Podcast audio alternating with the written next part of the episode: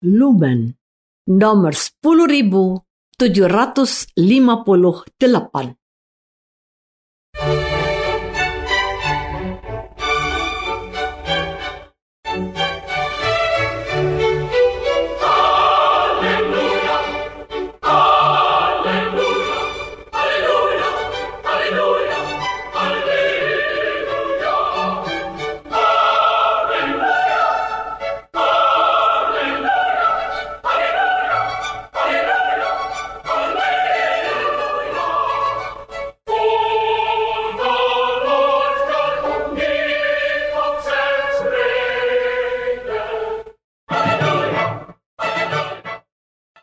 Saudara pendengar di segenap penjuru tanah air, selamat bergabung dengan Lumen Indonesia.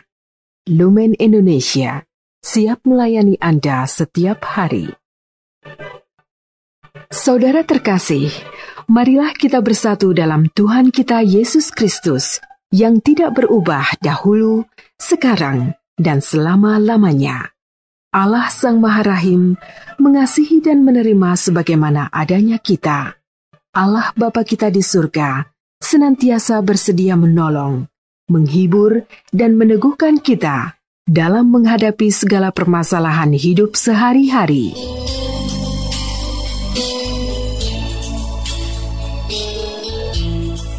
Saudara-saudari, marilah kita mendengarkan renungan dengan judul Manusia dan Aturan.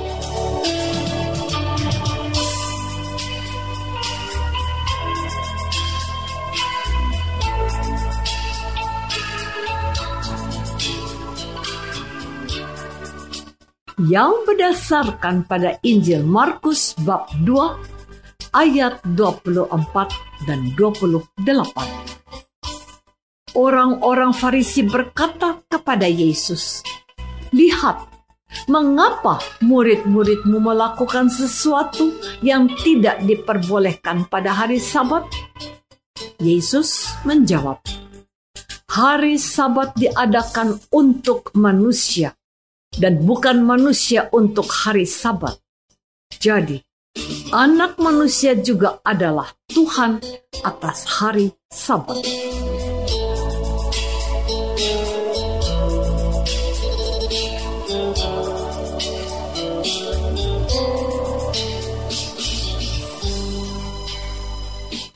Dalam nama Bapa dan Putra dan Roh Kudus. Amin. Saudara-saudari terkasih dalam nama Tuhan Yesus Kristus.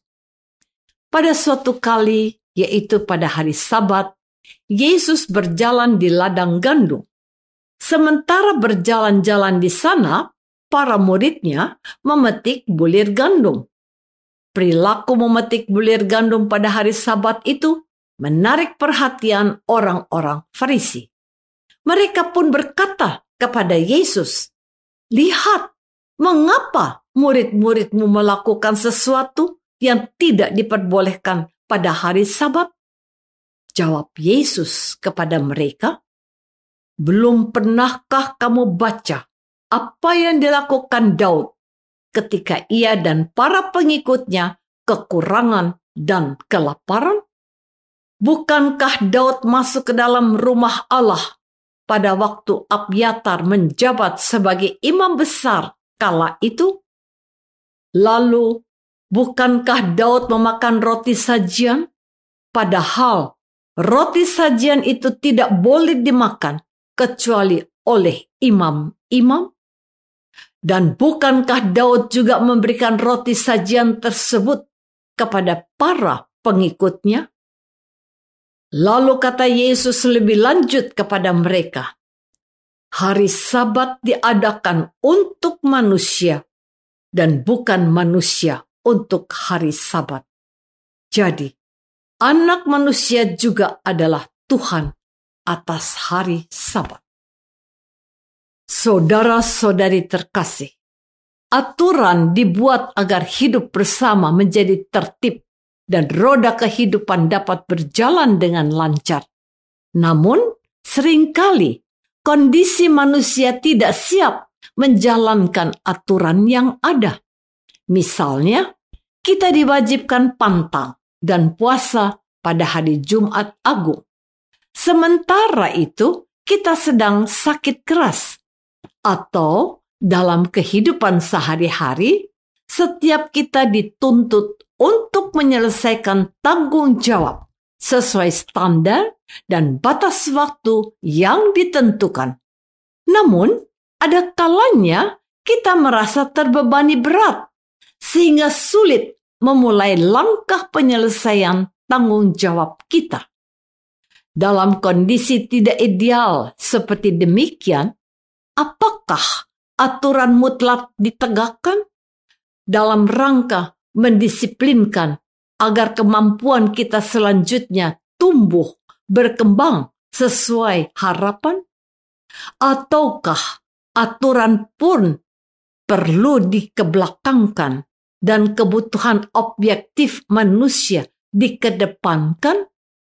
Bagaimana teladan Yesus dalam menghadapi situasi demikian? Saudara-saudari terkasih, Yesus dengan jernih menangkap kebutuhan objektif manusia, mengedepankan pemenuhan kebutuhan objektif manusia, dan mengebelakangkan aturan. Oleh karena itulah Yesus taat mengikuti kehendak Allah Bapaknya yang tidak menghukum manusia meski berulang kali melakukan dosa, melainkan mengorbankan dirinya sendiri atau mengorbankan putranya yang tunggal untuk menebus dosa umat manusia. Yang menjadi pertanyaan sekarang ialah, maukah kita bertindak mengutamakan cinta kasih daripada segala hukum yang ada?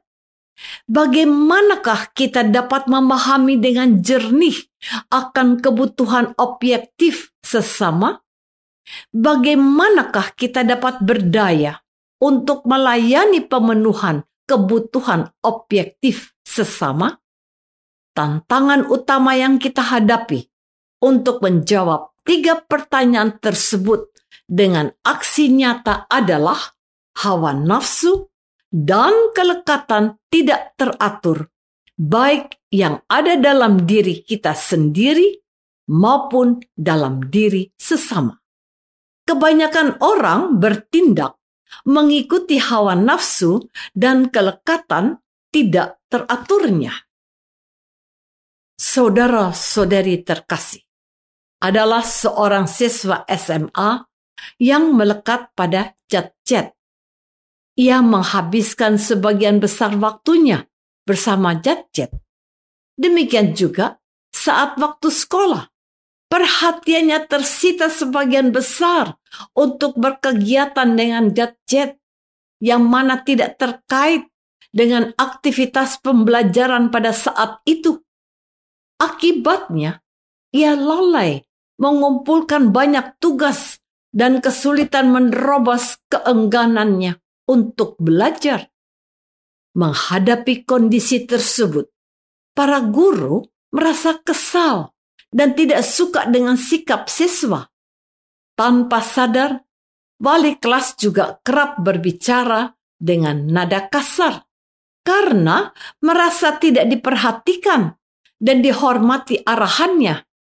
Ibunya dipanggil agar dapat mendampingi anaknya dalam belajar dan mengatasi permasalahan tersebut.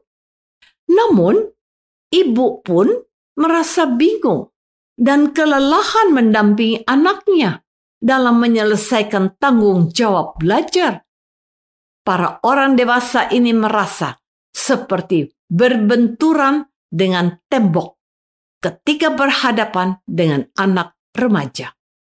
Tanpa sadar, orang dewasalah yang membawa tembok untuk dibenturkan ke anak remaja, yaitu berupa tuntutan, aturan, dan standar harapan yang perlu dipenuhinya.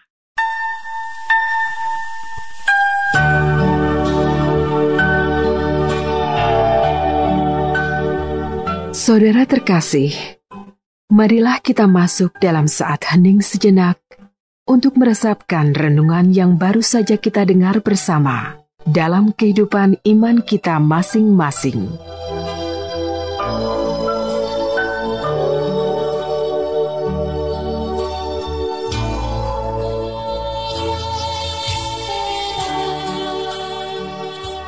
Apakah saya melekat pada norma kebaikan sehingga saya kesulitan dalam mencintai sesama yang bertindak tidak sesuai dengan norma kebaikan tersebut?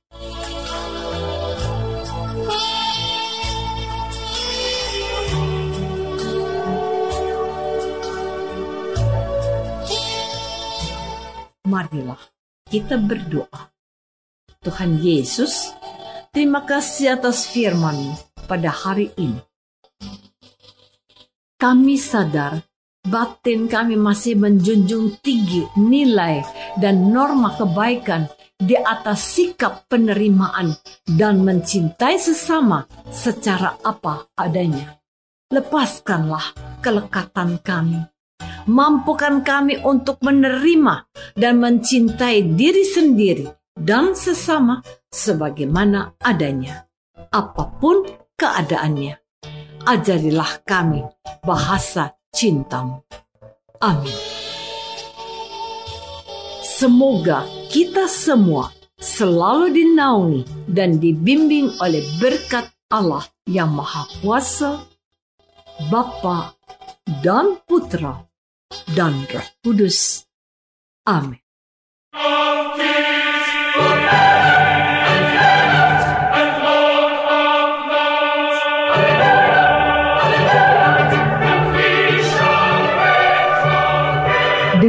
kasih dan sukacita, Lumen Indonesia mengundang saudara-saudara seiman di segenap penjuru tanah air.